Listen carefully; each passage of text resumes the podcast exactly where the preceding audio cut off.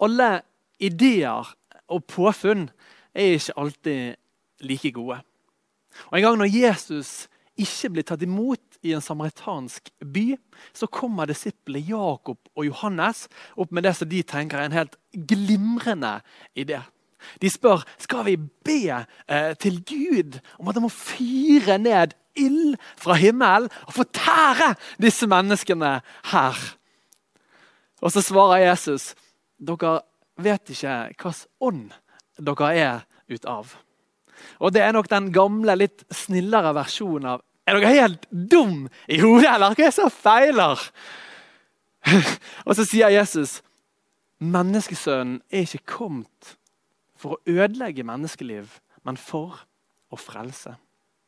Og De av oss som har levd eh, i noen år, vet jo det at det ikke er alltid så lett å gjøre det som er rett. Men tidligere så hadde Jesus utfordret Jakob og Johannes og disiplene sine på hva det var som skulle kjennetegne dem. På et fjell med etterfølgerne sine rundt seg så sier han dere er verdens lys. En by som ligger på et fjell, kan ikke skjules. Sånn skal deres lys skinne for menneskene, så de kan se de gode gjerningene dere gjør, og prise deres far i himmelen. Dere er verdens lys, sier Jesus til sine kristne etterfølgere. Det gjelder de den gangen, og det gjelder oss i dag. Og Det er de som ikke alltid er så lett å slukke. Vi er altså utfordret på å være verdens lys. Vi skal være håp for den som er fortvilet. Trøst for den som sørger. Oppmuntring for den som er nedbrutt. Vi skal være en klem utenom koronatiden selvfølgelig, og et smil for den som trenger det. En venn for den som er ensom. Liv for den som har mistet livsgnisten. Og lys for den som er i mørket. Dere er verdens lys. Du er verdens lys. I hvert fall så kaller Jesus deg til å være det. Men er vi kristne så er verdenslys. Stråler vi Guds godhet? Skinner vi Guds kjærlighet? Jeg tror jeg vil si både ja og Nei.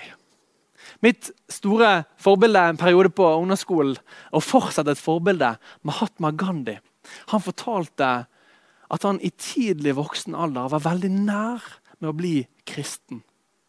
Men så fikk han ikke lov å komme inn i kirken som han var i, i Sør-Afrika, fordi han var mørk i huden.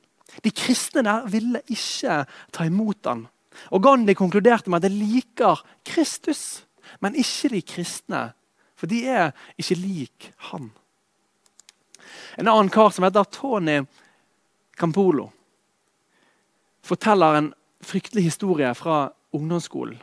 Han selv var kristen, og i klassen så hadde de en, en gutt som het Roger. Og Roger han ble mobbet både fysisk og verbalt. Og Alle i klassen visste om det, men ingen våget å gjøre noe med det. De fleste på en måte bare lo av det og sa at det er jo, det er jo bare en spøk. Men en dag så dro denne mobbegjengen på fem gutter det ekstra, ekstra langt. De tok Roger og plasserte han i hjørnet av dusjen i guttegarderoben. Og så sto de og tisset over han. Dagen etter kom ikke Roger på skolen. Hans liv og hans lys var slukket. Han hadde tatt sitt eget liv. Og Tony, klassekameraten, var helt knust. Og mistet nesten troen. Ikke troen på at, liksom at Gud var der, men troen på at Guds kjærlighet var i han. For hvordan kunne han tillate at noe sånt skjedde med et medmenneske? Hvordan kunne han som en kristen etterfølger av Kristus tillate å la noe så ondt skje? Skulle ikke han være et lys? Er vi kristne verdens lys? Jeg vil si både ja og nei. Og La meg nå fortelle noen sterke fortellinger om noen mennesker som virkelig har vært lys i denne verden. Maximilian Kolbe han var en polsk prest som når Tyskland invaderte Polen under andre verdenskrig, var med å hjelpe flyktninger og jøder i det klosteret som han var en del av. Til sammen så klarte de å berge og hjelpe 3000 mennesker. Men til slutt så ble dessverre Kolbe og fire andre prester tatt. og De ble sendt til konsentrasjonsleiren Auschwitz. Og I Auschwitz så hadde man en regel om at for hver person som klarte å rømme, så ville ti personer fra samme avdeling bli drept ved å sultes i hjel. Da tenkte man på en måte at da vil ingen forsøke å, eh, å prøve å, å, flykte. Da får man jo ti liv på samvittigheten som dør en fryktelig død. Likevel så var det noen som forsøkte, og én person fra Kolbe sin avdeling kom seg unna. De ble derfor stilt på en rekke foran noen soldater. Og så ble ti tilfeldige menn valgt ut. En av dem var Francis Gajovnisjek, som startet å styrtgrine og rope 'Hva med min kone? Hva med mine barn? Hvordan, hvordan skal de klare seg uten meg?' Vær så snill, la meg få leve! Vær så, vær så snill! Og Kolbe står og tripper og skjelver. Så tar han ett steg fram. Og ett steg til. Og Så sier han til kommandanten jeg er en katolsk prest og er derfor verken gift eller har barn. La meg få ta hans plass. Han har ikke Nei, han har kone og barn. Og Kommandanten aksepterer Kolbe sitt ønske. Gajovnisjek blir sendt tilbake igjen til avdelingen, mens Kolbe blir ført til bygning 13 for å sultes i hjel. Den 14. august 1941 så dør Kolbe etter å ha gitt sitt liv for Gajovnisjek. Og grunnen til at denne historien har blitt kjent, og at den kan gjenfortelles, det er at Gajovnisjek overlevde konsentrasjonsleiren. Og han ble hele 95 år gammel. Han kunne aldri glemme denne selvoppofrende kjærligheten som Kolbe viste, og hvilken enorm betydning det fikk for han og hans familie.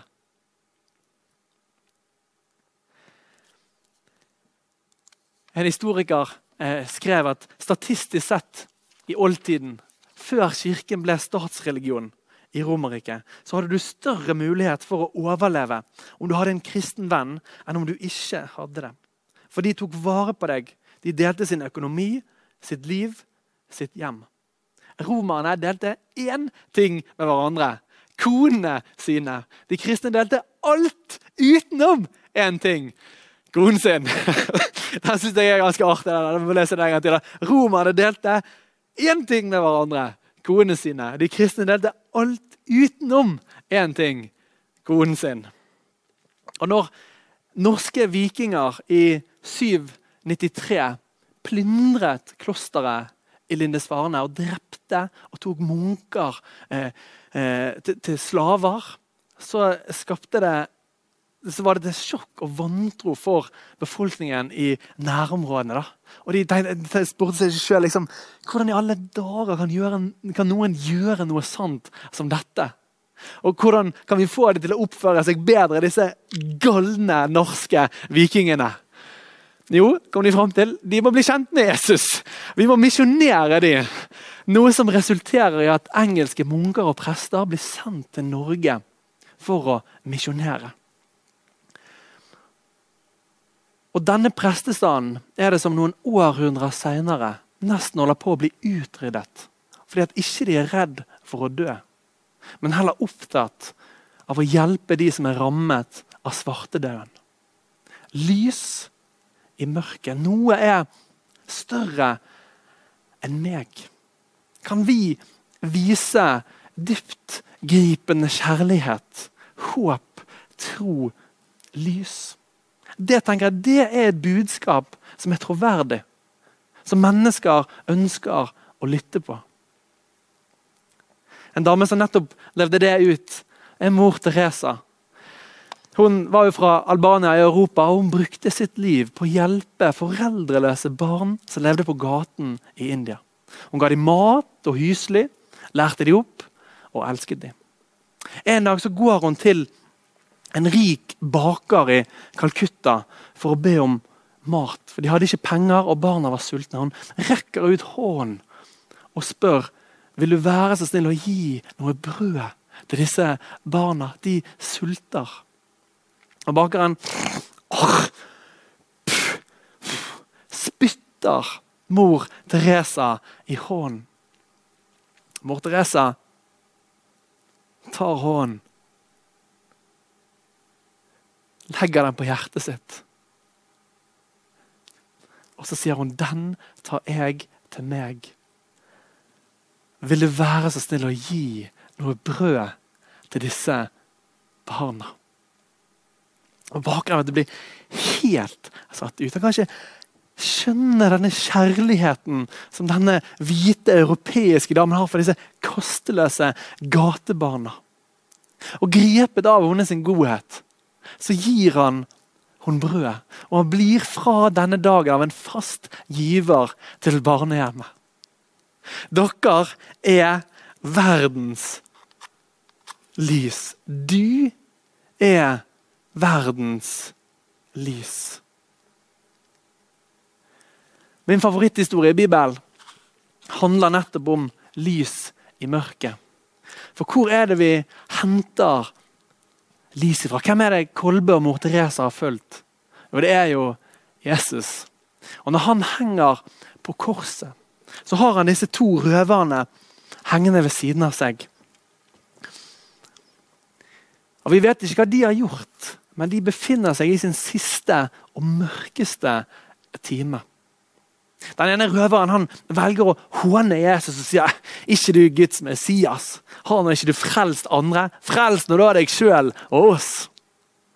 Og Så svarer ikke Jesus, men det gjør denne andre røveren. Han sier, 'Frykter ikke du Gud selv i denne stund?' For oss er dommen rettferdig. Men han, han har ikke gjort noe galt. Jesus, vil du huske på meg når du kommer i ditt rike?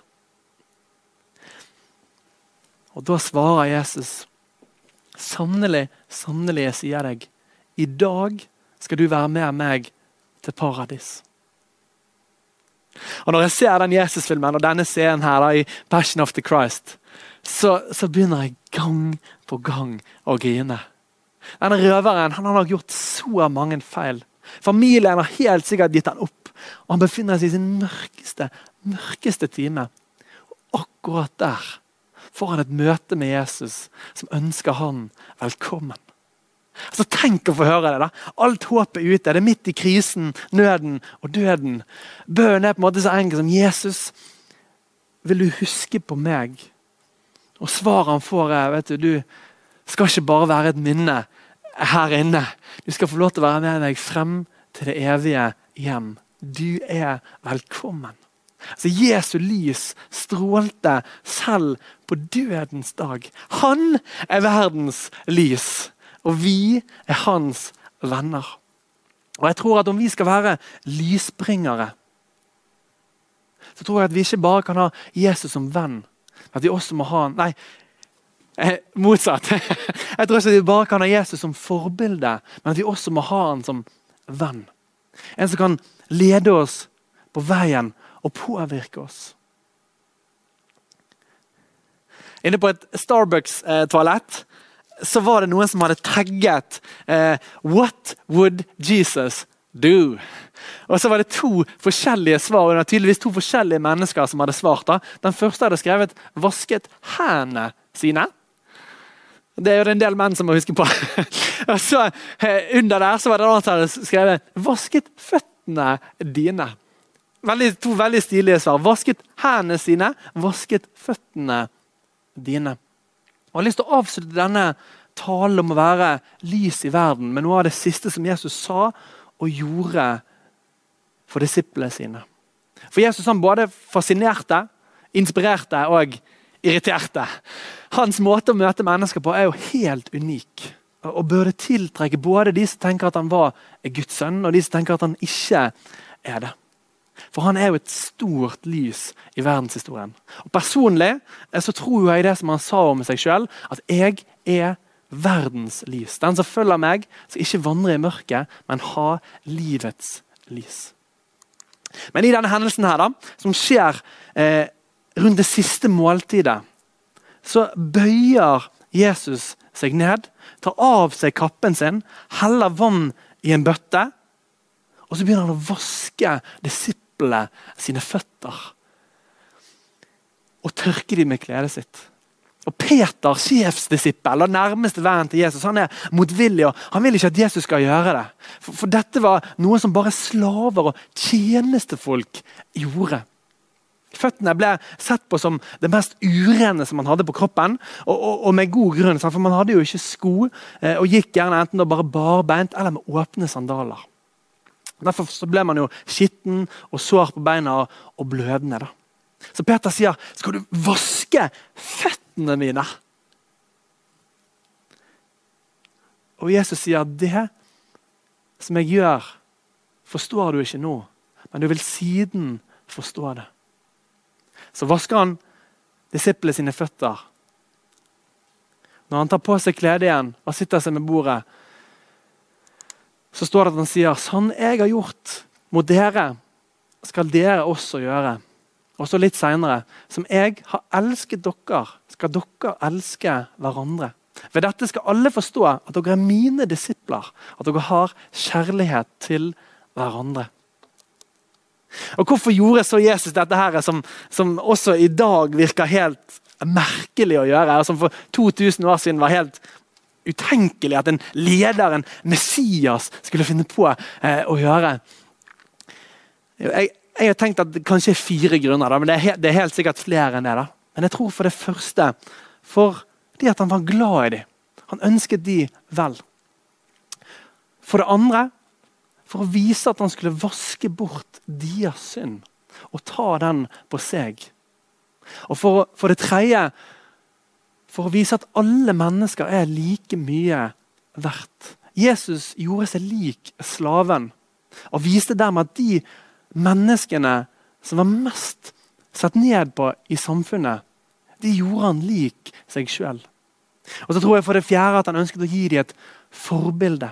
At de også skulle være villige til å bøye seg ned for å løfte andre mennesker opp. Ha et tjenersinn, et godt sinn for sitt medmenneske. Å være lys. Og så er det interessant at Jesus også til og med vasker føttene til Judas. Selv om han visste at han kom til å forråde ham. Som jeg har gjort mot dere, skal dere også gjøre. Som jeg har elsket dere, skal dere elske hverandre. Med dette skal alle forstå at dere er mine disipler, at dere har kjærlighet til hverandre. Vi er kalt til å være lysbringere. Verdens lys. Og Noen ganger så avslutter jeg talen med en utfordring. Og I dag så har jeg lyst til å gjøre det, da, og dette er jo en veldig merkelig utfordring. Så hold dere fast. I løpet av denne uken vask noen sine føtter. Ja, det er veldig, veldig spesielt. Eh, og Derfor vil jeg også si at ikke la det være noen som du ikke kjenner. For det blir veldig rar eh, Det blir nok en rar situasjon. Men la det være noen du er ganske trygg på. Kanskje noen du bor sammen med, eller så du ser dette sammen med. da. Utfordringen er å vaske noen sine føtter. Og Den utfordringen gir jeg ikke fordi jeg tror at det er en glimrende måte å være lys i verden på. Det tror jeg egentlig ikke. Men jeg tenker at det er en handling som taler mye sterkere enn det som jeg i dag har sagt. Og som vil minne oss om at vi skal være lys der i denne verden som vi er plassert. Og kanskje det gir en god samtale.